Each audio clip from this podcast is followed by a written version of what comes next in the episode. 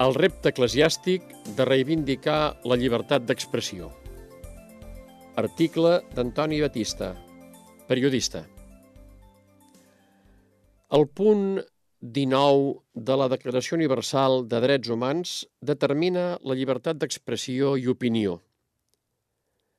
Qualsevol legislació o actuació policíaca o de censura que restringeixi o vulneri un dret fonamental encongeix la democràcia. Dissortadament, el panorama mundial no és gens afalagador. Comença en les persones que per exercir aquest dret són assassinades, penen presó o viuen a l'exili. Entre nosaltres tenim els lacerants casos particulars de Pablo Hassel i de Valtònic, que no haurien de ser en lloc més que a casa seva. Entre nosaltres tenim el lamentable cas genèric d'Espanya, el lloc 29è del rànquing mundial de la llibertat de premsa que emet l'ONG Reporters Sense Fronteres. La història de les restriccions de la llibertat d'expressió és tan extensa com ella mateixa.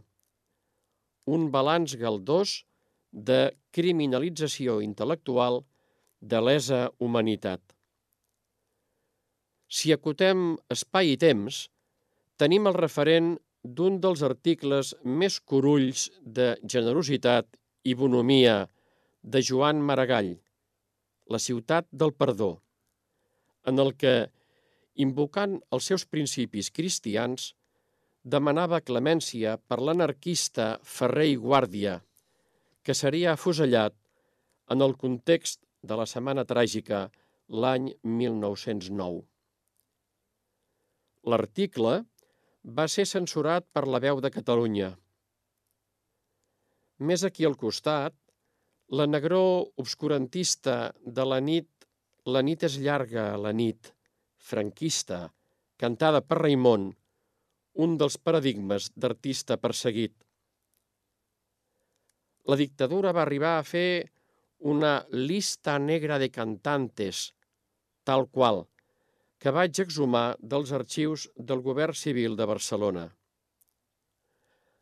Atès que estem en recinte eclesiàstic, també cal assenyalar que després de la manifestació de capellans contra la tortura l'11 de maig de 1966, l'aparell repressiu de la dictadura va destinar policies a les parròquies en les quals consideraven que hi havia capellans perillosos, que cada diumenge eren objecte d'atestat policial per les seves homilies.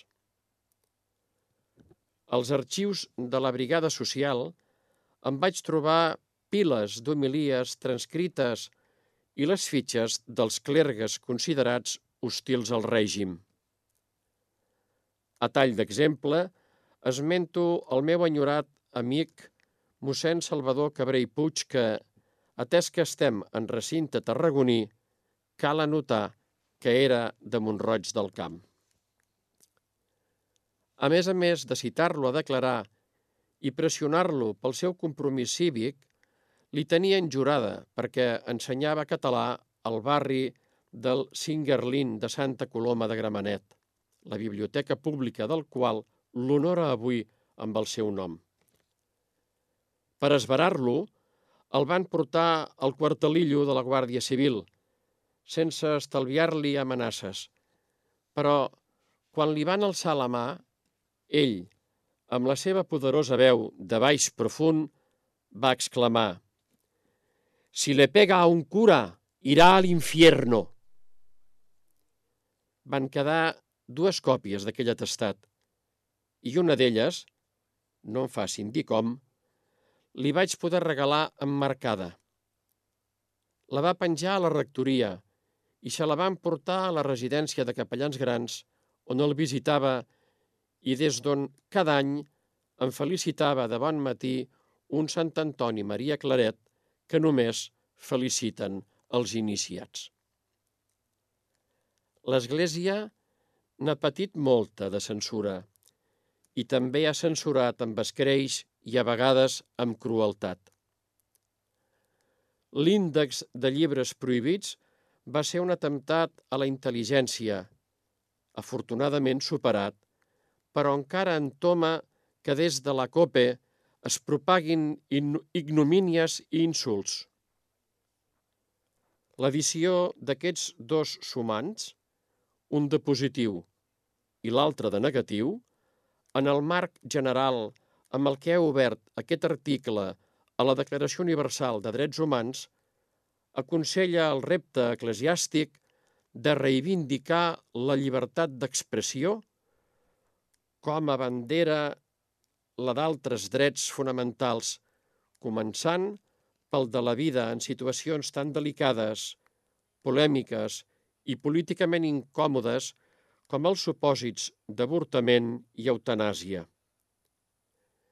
Llibertat d'expressió, doncs, fins i tot en els insults que més puguin doldre, que, al cap i a la fi, resulta una manera menys onerosa que la de parar l'altra galta. I podríem dir que van inclosos en el pacte de la fe, almenys des de les benaurances.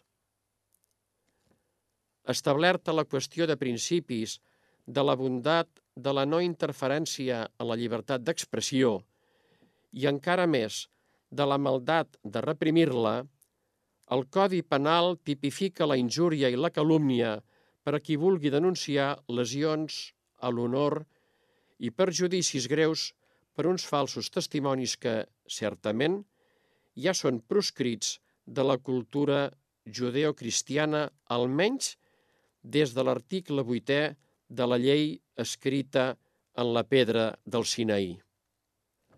També és un fet que cada centre emissor d'opinió pública té normatives. El periodisme en diu llibre d'estil, clàusula de consciència, codi deontològic, que també el legitimen de publicar el que vulgui i diferenciar que no és el mateix no fitxar determinats opinadors que censurar-los. És a dir, una cosa és portar Willy Toledo als tribunals per dir el que li roti, utilitzant el seu llenguatge, sobre Déu i la Verge, que mai de la vida s'hauria d'haver fet des d'una marca que s'invoca cristiana i una altra de molt diferent és no oferir-li un espai a Ràdio Estel o una columna al full dominical. Entre una cosa i l'altra, si jo fos l'ordinari eclesiàstic de la seva zona, el convidaria a dinar, parlaria de tot plegat amb el cor a la mà i li proposaria que fes de Jesús a la passió d'Olesa, que segur que, amb el tros d'actor que és, faria un magnífic paper.